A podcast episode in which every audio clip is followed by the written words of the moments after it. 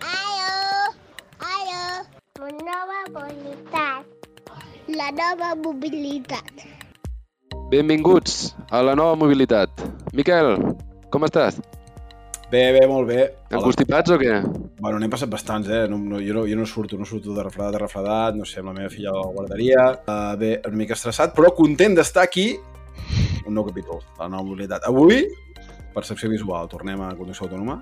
Conducció autònoma, sí. Sembla que estem fent una bona tongada aquí de conducció autònoma, eh? Sí, bueno, el segon, i després ja penso que tornem a canviar, Martí. Uh, avui tenim a la Mercè Müller-Gorgs, nascuda a Igualada, però des dels 10 anys a Alemanya. Hola, Mercè, com va això? Hola Martí, hola Miquel. Molt bé, molt bé. Benvinguda. Encantada de ser aquí avui. Uh, nosaltres, nosaltres encantats de tenir-te tu, de que tenir-te. abans en parlàvem, ets la primera convidada femenina, vull dir que primera però no última, eh? Que, que consti. Sí, mi nascuda a Catalunya des de fa tants anys aquí, a Alemanya, um, a Baden-Württemberg, no? Has, vas, has fet vida a Karlsruhe, no? Has crescut a Karlsruhe, Mercè? Sí, sí, sí. Vam venir de- d'Igualada, llavors directament cap a Karlsruhe i ara vivim uh, a prop de Stuttgart. Per, perquè el, el teu cognom també et delata una miqueta, no? Vull dir, Müller, el, tenies, el teu pare és alemany o No, no, no. Jo de fet sóc una Lloret. Ah, és, és de, casament, de casament, com si diguéssim, llavors el, Sí, el, El el. Gorgs, el Gorgs té, té, el, els hi dones feina de bé per pronunciar-lo, eh? Sí, i amb el Lloret llavors encara més i per això eh? vam decidir que triaríem el nom que toca amb els nens a Catalunya i per això ens diem Müller-Gorgs. Uh, Molt bé. La Mercè és diplomada i doctorada en enginyeria industrial al, al KIT, a l'Institut de Tecnologia de Karlsruhe, uh, i és doctora en integració d'informació en sistemes d'emergència mèdica. Jo això és el com ho he traduït. Explica'ns una mica això, Mercè. De què anava el que vaig fer? Bueno, doncs era un... Um, teníem un projecte que era a l'hospital i de fet era bueno, un projecte de... era un sistema de comunicació entre l'hospital i, i el, um, les emergències. Vale. I, I el sistema era per quan tens un ictus, que llavors la informació, o sigui, tu com tens els, els processos i en paral·lel sempre hi ha el procés d'informació. I el que vam fer és, doncs, amb, amb eh, sistemes mòbils, d'enviar um, l'informació més adelantada, o sigui que l'hospital es podia preparar, Vale. i la meva feina va ser més aviat de mesurar-ho, com que teníem organitzacions diferents, doncs de, de mirar com es pot valorar i com es pot avaluar el que passa allà i si de debò millorem llavors el tractament dels, um, de les, la gent o no. I, bueno, i al final va Quantificar com funcionava el sistema d'emergències i llavors optimitzar... optimitzar, quantificar i llavors mirar bueno, a veure si ha anat bé o no. I al final doncs, va anar tan bé que de debò van començar a introduir-ho per tota Alemanya. I ara des del Ah. 2006 que, que hi ha bastants sistemes així per a Alemanya ajudant. Home, per sentir-se orgullosa, Mercè, ja pots, ja te pots, te pots sentir bastant realitzada, ja, no? Com fas això, ja, ja tens poca cosa, ja. Farà endavant la carrera professional. Després vas començar um, directament a Bosch, no? I Sí. també en temes relacionats, no? Això ja era per aquí, per Stuttgart, no? Sí, sí, per aquí a Stuttgart vaig venir. Um, a l'altre cantó, Weiblingen, o sigui, Mhm. el més lluny que pots anar de Karlsruhe, llavors cap a Stuttgart, a l'altre cantó, i, i allà també hi havia doncs, uh, un, un grup de Bosch que també treballa amb, amb healthcare, o sigui, treballant amb, més aviat, va, quan vaig anar allà feien telemedicina i també um, els sistemes per a casa, saps? No sé, um, que tens un telèfon i, o un botó i si passa alguna cosa llavors pots trucar a emergències.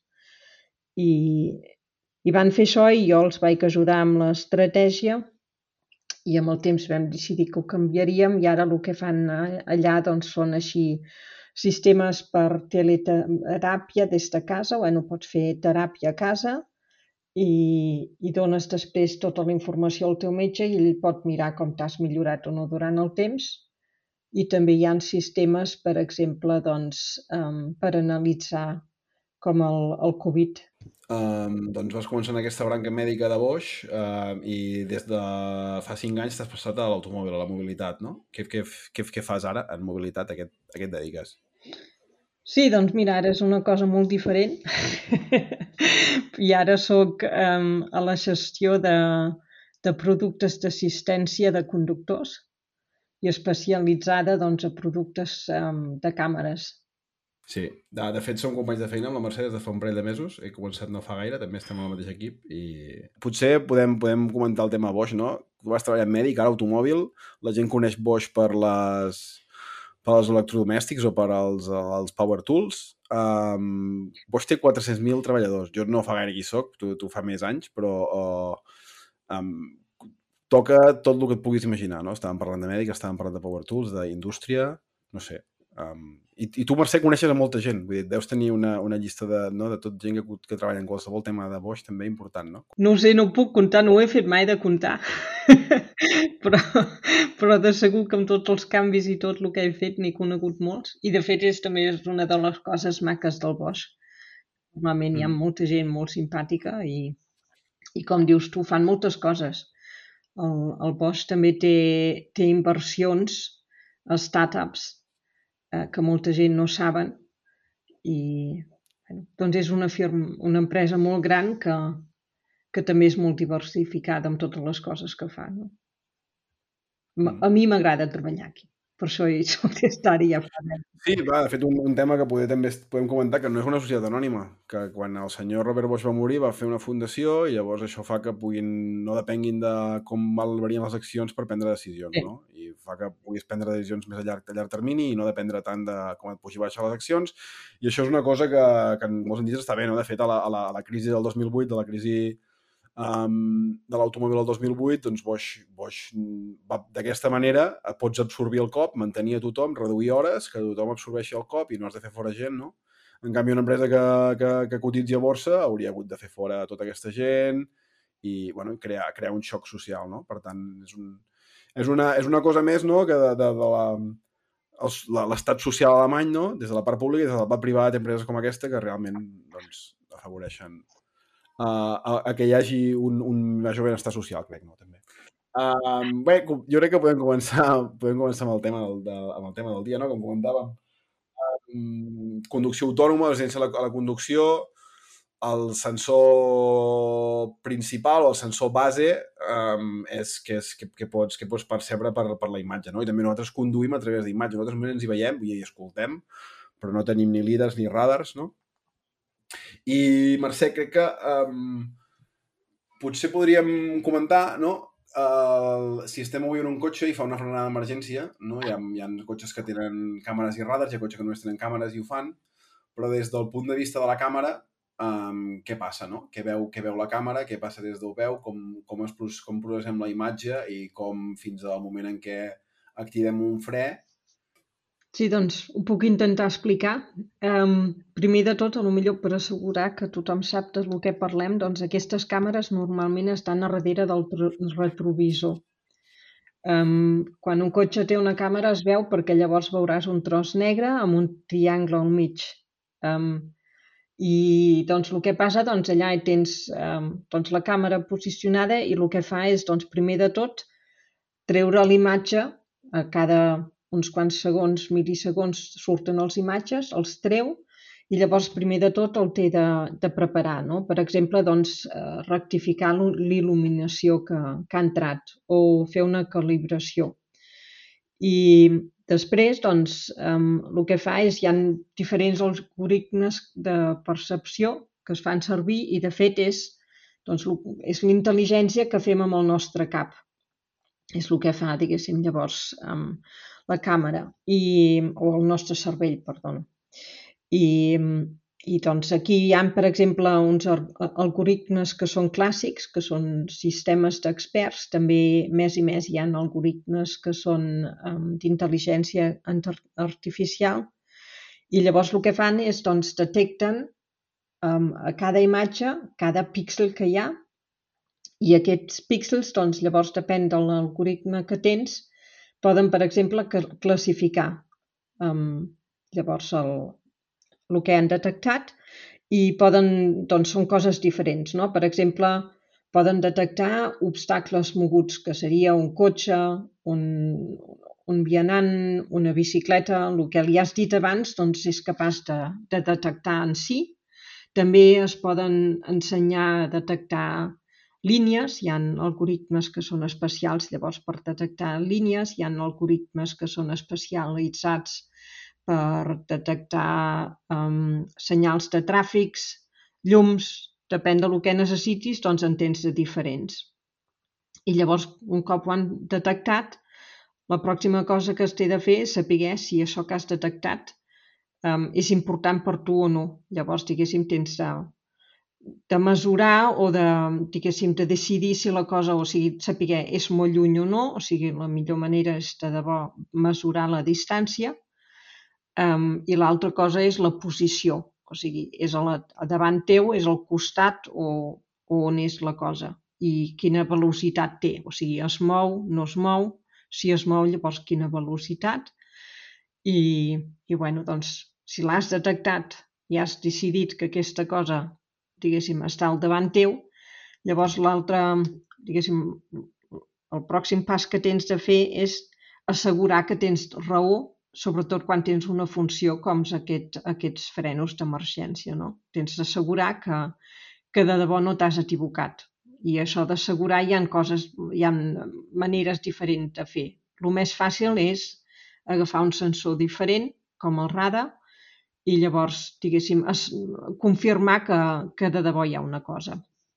I un cop llavors l'has confirmat, llavors és quan dones tota aquesta informació al pròxim pas, que llavors és doncs, la funció que després um, decideix si i quin actuador és el que té de després reaccionar. Doncs, per exemple, en aquest cas seria el freno. Um, de fet, ho parlàvem a l'anterior capítol, uh, Martí, amb en Federico, parlàvem que l'autonomia són diferents capes, no? Sí. La, la, la, uh -huh. són diferents capes, no? Llavors, com tens funcions que, que requereixen uh, que tu estiguis més segur del que estàs fent, no? Per fer una frenada d'emergència n'has d'estar molt segur que l'has de fer, uh -huh. perquè també té, té, té uns efectes té uns efectes negatius fer-la, no? Cap a tu, et, pot, et pots tenir una, una fuetada cervical, un cotxe que, que, que et pigui per darrere. Um, per tant, això vol dir que has d'anar posant capes, no? I una capa és la càmera, altres sensors i, i, i com, com, ens ho, com ens ho fem per validar aquest tipus de, de funcions? Dius, aquesta velocitat em val o no? no? Per frenar necessito una velocitat molt alta i per altres funcions més de confort potser no, no? Um, amb les funcions de confort és normalment um, ben bé al revés. O sigui, llavors allà és més important de detectar més aviat masses coses que no pas uh, masses poques però l'important és això, no? de, també tenir una probabilitat de lo segur que estàs de lo que tens allà. I en comparació d'altres sensors, doncs el maco de la càmera és de que no només et pot dir allà hi ha una cosa, sinó que ets capaç de, de classificar el que és i de, doncs, per exemple, poder llegir fins i tot textos això ho coneixem tots de, del mòbil, no? de vegades amb el, amb el Google Translator, eh? el poses davant d'una un, sí. pàgina escrita en un idioma i te'l reconeix el, les lletres i fins i tot les pot processar i transformar-les, però és el mateix que fem llegir senyals de trànsit, no? és el que fa les càmeres del cotxe, identifiquen això és un 60 o és un 120 no? I... Que no, és, que no és trivial perquè et canvien de país a país. Vull dir que, clar, tu pots optimitzar per un senyal, però després te'n vas a un altre país, els senyals són diferents, no? I... Um, la, o sigui, la, la, la validació de, global és, és, un, és, és complica bastant la història, no? Fer, fer una cosa que funcioni bé per, un, per una regió i ex, ex, uh, escalar-ho al món és una altra història, no? Uh, Mercè? Sí, bueno, el que es té de fer és doncs, gravar prou dades primer de tot per aprendre-ho i, i assegurar-ho i, i, i com més, diguéssim, eh, el que s'intenta fer més i més és doncs, posar-hi més intel·ligència que siguin capaços d'aprendre ells mateixos, diguem-ho així. Um, a lo millor, Martí, perquè has fet la, la connexió amb el mòbil, no? Això és una cosa que molta gent crec que també no, a lo millor no s'ho planteixen o no, no veuen la diferència, però um, vull dir, els mòbils de vegades sembla que sàpiguen fer les coses més bé que aquestes càmeres perquè doncs, tenen més megapíxels o no, són, diguéssim, més intel·ligents. Però la diferència és que aquesta càmera, com he dit abans, no? és a darrere del retrovisor. Això és un dels llocs més calents del cotxe.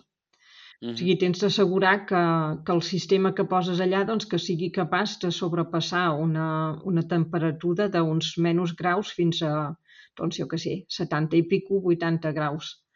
I això yeah. no només un dia, sinó doncs, uns quants anys i amb els, tots els sotracs i totes les coses que fan, doncs això és la, diguéssim, la dificultat que hi ha és no només, diguéssim, l'intel·ligència dels algoritmes, el de, uh -huh. d'aprendre um, a fer servir un, un, doncs, intel·ligència artificial, artificial com els, els um, convolutional neural networks, no sé com es diuen ara en català. Eh, xarxes neuronals. Xarxes no? neuronals, sí.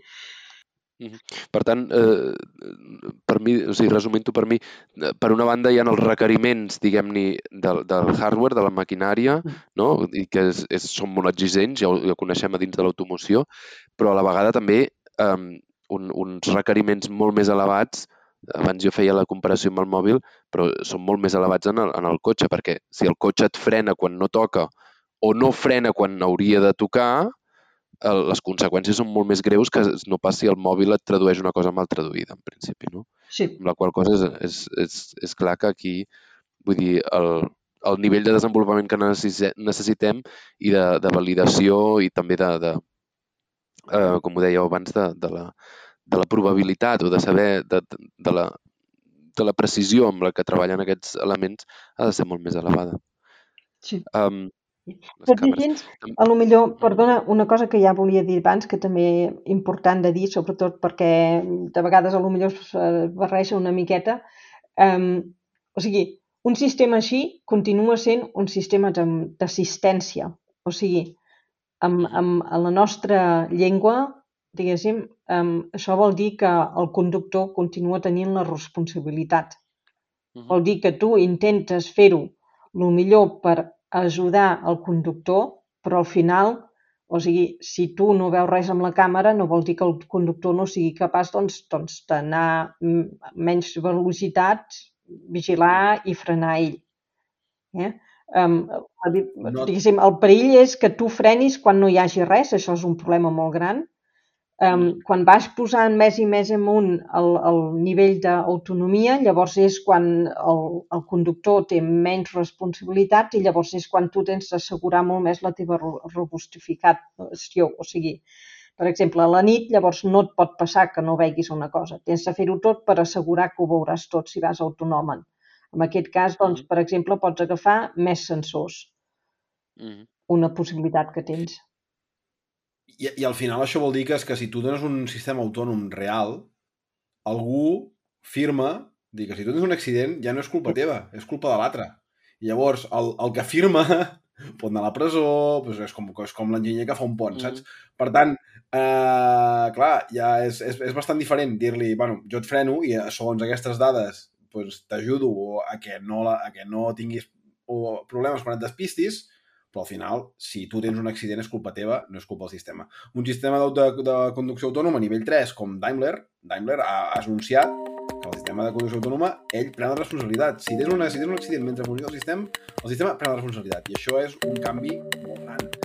Abans parlàveu um, de que la càmera és la, diguem el sensor principal, no? és el que, el que capta la, la percepció, i que si cal per, um, per fer per validar aquesta, aquest, uh, aquesta percepció, aquestes senyals, um, s'ajuda de el, el radar. Què té la càmera que no té el radar? pot veure i pot llegir. Pot veure i pot llegir, però... Um, vale, pot veure el, el llum de, de, fre, de frenada del cotxe de davant, per exemple, això és important, no? Um, a llegir, bueno, si, si en, el, sí. en el camió de davant hi posa el long vehicle, en principi és igual, eh, ha de frenar igualment, no? O sigui, Però la, la, el, el radar et, et, et mesura distàncies, sobretot, no? I velocitat. Velocitats també, no? El problema que té el radar és l'angle. Ah. L'angle discrim, de discriminar o separar dos, dos objectes que estan molt a prop en, en velocitat i en distància, el radar li costa. Mm. Això Tesla diu, bueno, doncs no, no, ho faig sense radars, perquè pel radar que em dones, si no pots... El, el, el problema més greu de la... Bueno, el, el, el, el cas que tu vols resoldre és el cas que tinguis un objecte parat en l'autopista. Sí. Llavors, eh, tu tens un objecte parat que està al costat d'un altre objecte, radar li costarà. Radar li costarà perquè per fer angle has de gastar-te més diners, has de fer un radar més car. I en canvi la càmera... Angle vol dir focalitzar, no? Tal com estàs dient. Bueno, és a dir, tu, de, o sigui, tu amb el radar detectes rang, no? És com, és com, una, com una onada, no? Tires una pedra a l'aigua, no? I llavors vas fent onades, sí. aquestes onades són equidistants del, del lloc on ha caigut la pedra. Doncs això del radar et diu rang i et diu velocitat. L'angle li costa una mica. En canvi, una càmera, l'angle te l'estima molt bé. I aquest píxel aquest costat i aquest píxel està a l'altre costat. Per tant, si això és un pont, això és un cotxe, mm. sé exactament a quin angle està. Mm. Però rang no tan bé com el radar, i d'això poder, podem, podem parlar. Es, es, nota, es nota que vens del radar, Miquel, es nota. A mi si em piques una mica amb radar, jo aquí, bueno, jo, però, però sí, aviam, no sé, Mercè, com, tu com ho veus? Però tot i així ens, ens entenem bé, no? Tenim una miqueta de rivalitat amb això, però... Sí, clar, al final és que que és el sensor principal, no? És a dir, la, la càmera li envia el radar o el radar li envia Exacte, la càmera? Exacte, és això el que estava dient. Però... Tipus...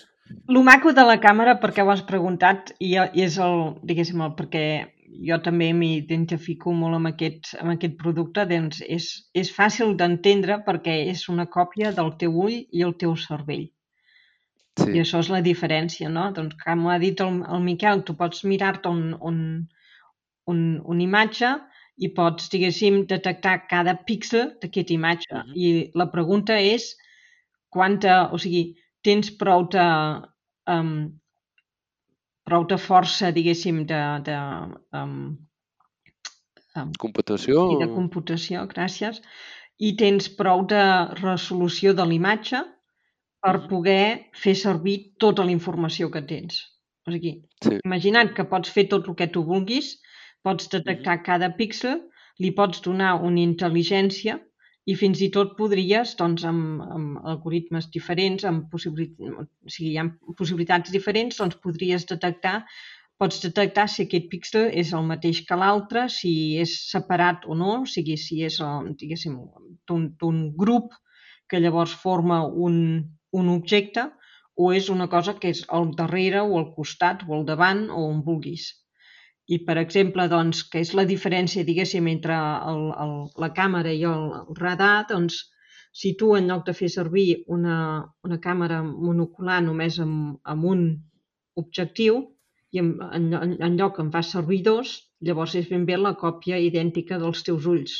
Tenint dos objectius, doncs pots fer una, una detecció i una, um, un mesurament de la teva... Estimació de distància, no? No, no és cap estimació. Quan tens dos, llavors pots calcular perfectament, perquè tens dos imatges idèntics, bueno, idèntics, tens dos imatges que són una miqueta, diguéssim, separats i els pots posar junts i llavors és quan fas el, el, el tridimensional. Si tu només tens un objectiu, llavors el que tens de fer és llavors eh, és més aviat eh,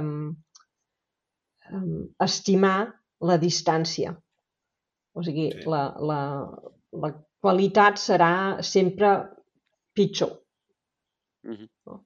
I això és la... Perquè això que, estaves, això que estaves parlant de les dues imatges diguem-ne, del mateix objecte amb, amb una mica de diferència de l'angle, és el que n'hi dieu uh, les càmeres estèreo, no? Sí. I, uh, o sigui, el que et dona la càmera estèreo és uh, millorar en l'estimació de profunditat o... Sí. Sí, no? Ara, això vol dir, a la vegada, doncs, que hem de posar-hi més càmeres, més, més hardware, més, més, eh, el doble, més gastos. El doble, de, el doble de recursos. Uh -huh. Hardware. No, bueno, pots, pots fer servir el mateix processador, potser depèn de com ho facis, però... Ah, vull dir, d'imatge, però, però sí. De, de fet, va haver-hi tendència a anar cap a càmeres estèreo durant un temps. Ara la majoria de de conducció són, no són estèreo, no? Sí. Hi ha hagut com l'estimació ha millorat molt i la qualitat d'imatge... Molt bé. Ara estàvem parlant de les, de les càmeres estèreo, de la maquinària, del hardware, um, però per fer tot aquest tipus de funcions, llavors, Mercè, necessitarem molt processat de senyal i a la vegada doncs, també moltíssima potència de computació. O sigui, ens haurem de comprar eh, o haurem de posar en els nostres cotxes uns megachips per processar tanta senyal, com ho farem?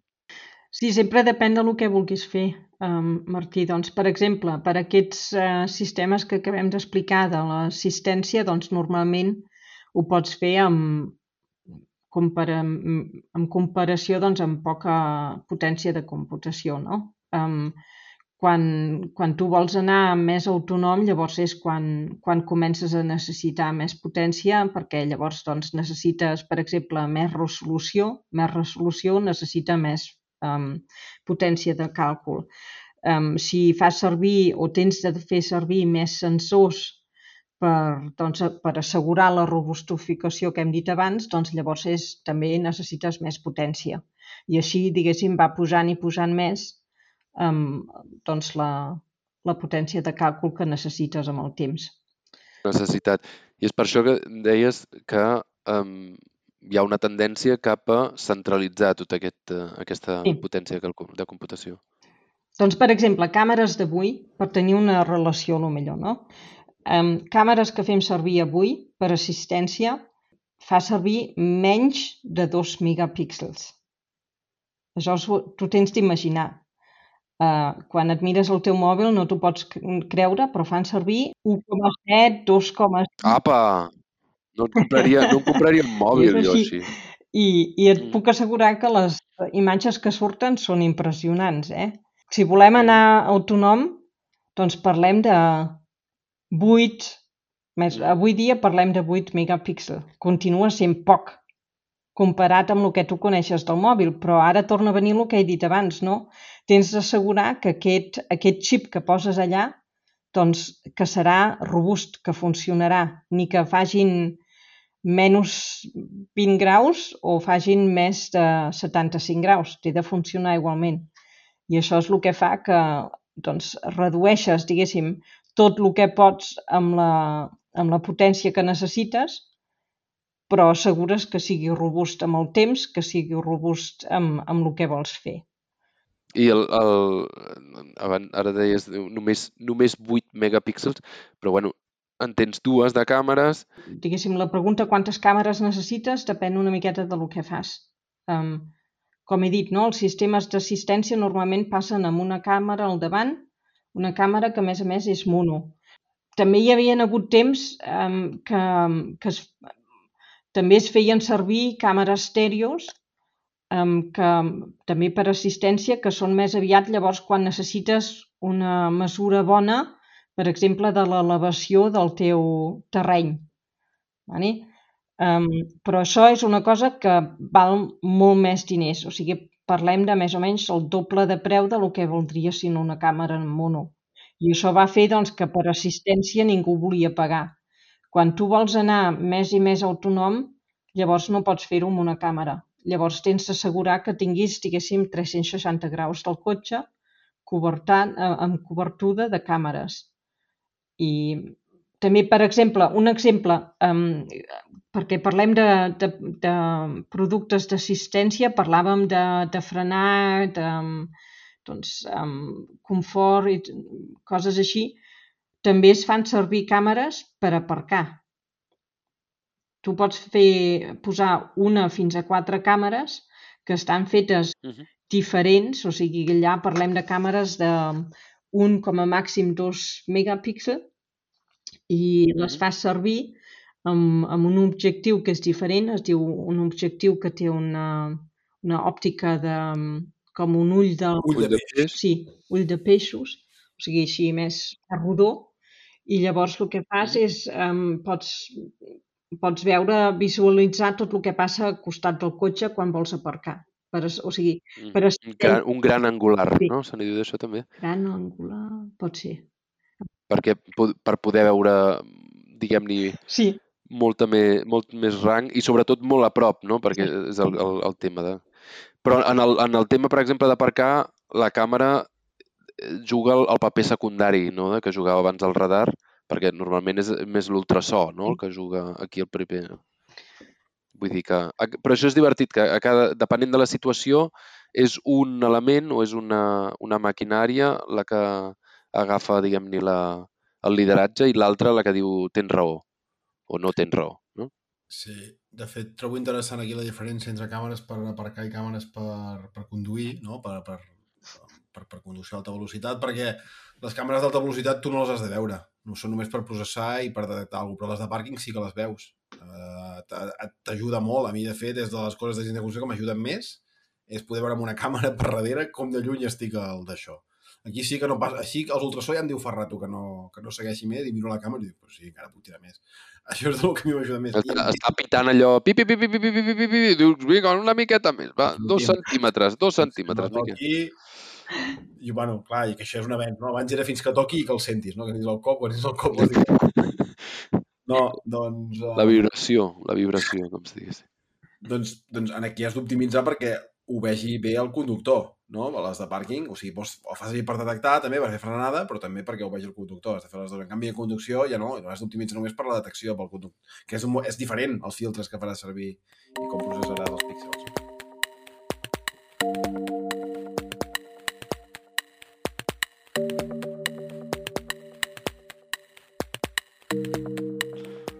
Mercè, um, tu amb la, teva, amb la teva experiència a Alemanya, bueno, has vingut des d'Igualada, de, des de, de molt petita, cap aquí, no? De, veies, es veu Montserrat des d'Igualada o no? Sí. Vale, Montserrat, no? És un record, un record que tens. Però no. amb càmera estèreo o amb càmera de mono? Amb mono ja es veu. Amb, amb mono, ja, pel costat. Amb mono ja és flipant. Quan mires Montserrat ja és una mica un rato mirant-lo, eh? perquè és, és com, és com, trapa una mica. Bueno, Um, i venint cap aquí a Alemanya, no? I ara, ara ja, no, no, ja no fa la pinta que tornis cap a Catalunya a viure-hi, no? No sé, no sé, crec que no sé cap on, on, on te vols fer, no cal que ho diguis. Però, si diguessis de donar Catalunya com estava quan te'n vas anar, com està ara, eh, en el sector d'indústria, mobilitat, el que tu has estudiat, el que tu has vist? Jo, bueno, quan jo vaig marxar d'allà era molt petita. Però per lo que, per lo que veig, um, sobretot des del punt de vista ara de, de professional, doncs um, crec que, que en si està muntat molt bé. Um, el que tinc d'admitir que, diguéssim, vista fora, um, sobretot vista amb alemanys, diguéssim, entorn d'on vic jo, um, de, de la meva vida social, crec que una de, de les coses que, que ha fet, diguéssim, baixar una miqueta la, la sensació de la gent de Catalunya és, és la cosa del, de l'1 d'octubre. Tot això de la independència va, doncs va, com es diu, um, va fer que, ja dic, vista de fora, doncs estan insegurs. Ara sembla que s'ha tranquil·litzat, la gent ja no en parla, aquí a Alemanya, ja ho saps, aquí no en parlen pas i, i per això tinc la sensació que torna a anar tot més normal, però hi havia un temps que per almenys jo no estava segura si ara acabaria bé o malament la cosa, perquè hi havia empreses doncs, que rumiaven si es quedaven allà o no, no. I això ho fa una miqueta difícil. Però en si el que, ja ho dic, vista d'Alemanya, la meva opinió és que, que estem, estem posicionats bé a Catalunya, tenim una força molt, molt professional, um, tant de carrera com de, de manera de, de fer de la, de la gent. No? Els catalans en si, per almenys el que veig jo, són, doncs es veuen gent que doncs, volem, volem treballar, sabem treballar. Um, això fa, per exemple, quan jo estava a Karlsruhe, teníem molts, molts catalans allà. També al Bosch n'hi ha molts, no? D'Espanya, però sobretot catalans. Doncs diria que sembla que... Som, gent, som gent treballadora, som gent treballadora. De fet, eh, um, sempre, sovint es compara Catalunya amb Baden-Württemberg, no? com a eh, zona de gent treballadora, d'emprenedoria, de gent que es mira la passeta, no? també, però bueno, vull dir, això és... Eh, una de les estigmes que també portem, però... És l'incentiu, l'incentiu. L'incentiu, també, amb, no? Alemany, no? En alemany sempre diu Schwabenspaniens. Schwabenspaniens. és, és... No m'agrada gens. A mi tampoc, no toca molt bé. No, potser el tema d'octubre poder podríem comentar-lo una mica també. Tots dos estàvem a l'estranger i poder podríem comentar que ho veig jo, no? Jo en aquell moment estava als Estats Units, però el, el que he vist a Alemanya és que sempre comparar-ho amb, amb Baviera, no? Tal, sí. és molt difícil d'entendre, no? És, molt, és com, m'estàs parlant d'una república bananera, què m'estàs dient? Que pots independitzar un país de 40... És, és molt difícil d'explicar això, no? Però l'1 d'octubre molta gent, ho va, molta gent ho va entendre. El que passa que jo crec que és més... Jo, jo crec que no és tant el problema de que, hòstia, us independitzeu, quin merder, és que, si, saps, si munteu tot això, foteu alguna cosa, saps? Vull dir, si, per fer tot això, per no fer res, vull dir, tant de soroll, almenys que passi alguna cosa jo és el que vaig parlar amb la gent. Jo crec que al final això és fets consumats i si, eh, igual que Escòcia o tal, si volgués ser independent acabaria funcionant d'una manera o una altra, però el tema és fer tant de soroll per no fer res, això és no ser consistent, això és una mica sortir una mica dels esquemes de l'Europa central. Has dit, ara estava, havia explicat eh, la Mercè com, com veu, diguem-ne, el, el panorama automobilístic català i sobretot des d'un punt de vista empresarial. Um, com ho veus a nivell eh, educacional, també? O sigui, a nivell de carrera. Vull dir, tu has fet tota la teva carrera, tant, tant a nivell d'estudis de, i científic amb el doctorat, eh, aquí a Alemanya. El doctorat el vas fer completament a la universitat o també en col·laboració amb empreses? Bueno, jo era, era el FZI, Forschungszentrum Informatik. No és ben bé la universitat, sinó que és un institut... Um, un institut de recerca, que, no? Sí, però un institut que doncs, um, teníem, diguéssim, un... Bueno, tota la feina que feia estava en empreses petites i, per exemple, el que vaig fer, diguéssim, tota la, a part del meu doctorat en si, jo tenia molts projectes doncs, que eren Stuttgarter Straßenbahn, ähm, Stadt Karlsruhe, eren ähm, Metro de Stuttgart, ciutat de Karlsruhe... Perdó, estem fent aquí. Eh, però projectes públics, no, en principi? Projectes públics. Llavors hi havia, per exemple, residències de... Um, D'avis, d'ancians. D'avis. Eh, llavors ah, hi havia... Clar, per, al, per els, les trucades d'emergència que parlàvem abans. O sigui, hi havia de tot, no? Tot d'empreses de tota manera. I, uh, i això va... Doncs, i, I allà és on teníem molts o sigui, estudiants i molt, molts treballadors que venien d'Espanya, en aquest mm. cas. Eh, tam, o sigui, n'hi havia molts que venien de, de les illes i llavors també n'hi havia, i a vos ho veig, a vos jo, i trobo cada cop més catalans. Mm -hmm. O sigui, això em, em, em mostra que, que en si la carrera que hi ha allà, per lo que veig jo, o sigui, com que fa tants anys que no hi he anat, només ho puc veure així, però el que veig és una, un nivell de professionalitat molt bo. També podria, o sigui, ara faria la lectura negativa de dir aquests professionals tan bons, amb bona educació, no troben feina a Catalunya, a Espanya en general, i han d'anar a l'estranger, no? Sí. I, els, i, i els, els hi han subvencionat la carrera entre tots, no? Vull dir, una enginyeria, tu pagues un 10% del que val, i te'n va, i te'n vas a explotar a Alemanya i pagar els impostos allà, no? És, un, és, un, és una mica un drama, això. És un drama per Catalunya, però vull dir, imagina't que la gent no tingués una carrera bona, llavors no podrien ni marxar. Clar. O sigui, viste... Després s'ha de tornar, quan, quan, quan, eh, quan la gent se'n va, eh, comença la jubilació, es retira, llavors et toca tornar a la terra no? i anar, a disfrutar del, del sol. Acabem sempre com, amb, amb, com sempre acabem amb els tòpics més tòpics, eh? però crec que hem parlat de temes molt interessants. Hem parlat de temes eh, científics, que jo crec que també això és una cosa que potser eh, a Alemanya també es valora molt a nivell eh, professional, sí. de carrera, no? Si has tocat temes científics, si l'has tocat, eh, si has fet un doctorat, un doctorat està molt ben valorat aquí. I, i bé, bueno, ha estat molt interessant eh, aprendre de tu, Mercè, mm, quines eh, tècniques hi ha avui en dia en les càmeres, en la percepció dels vehicles, eh, no només per la conducció autònoma, sinó també per l'assistència a la conducció, frenada, confort i tot el que ens has explicat. Molt de gust. Moltes gràcies. Miquel? Sí, jo crec que hem fet un bon episodi i a mi m'agrada, crec que, que, que, que, que la Mercè ho ha, ho ha explicat molt bé. Uh, Mercè, primera dona, on són les dones? Però bé, de fet, el que, el que voldríem és que no conegués, no? Vinga, una abraçada. Adéu. Adéu. Ja tinc la maleta plena per pirar d'aquí. Em dóna dones 5 minuts jo tengo un hit. Ara entenc moltes coses que desconeixia de petit. Traien el beat, digue'm un quan canto els que ho fan per pura magia. I ho faig per artisió, man, ja. Ja, vull tenir-te a prop però no hi ets. Ja, els dubtes em poden quan no et veig. No em poden classificar i això els mata. Que sigues diferent abans de que fos moda. I esclata, la meva veu al teu timpà i et pares, mare, mira que bé se'm dona fer això, la vida és cara. No sé fer una altra cosa i no hi ha perdó pels que parlen pel darrere i després volen el teu cor. I esclata, no em poden que prop plata. Que sigui diferent abans de que fos moda. Pels que parlen pel darrere i després volen el teu cor. Ja tinc la maleta plena per pirar d'aquí.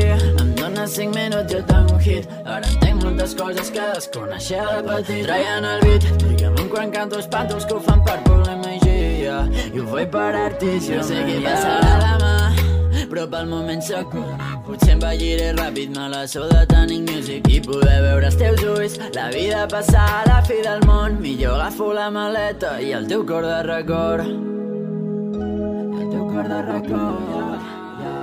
El teu cor de record. Thank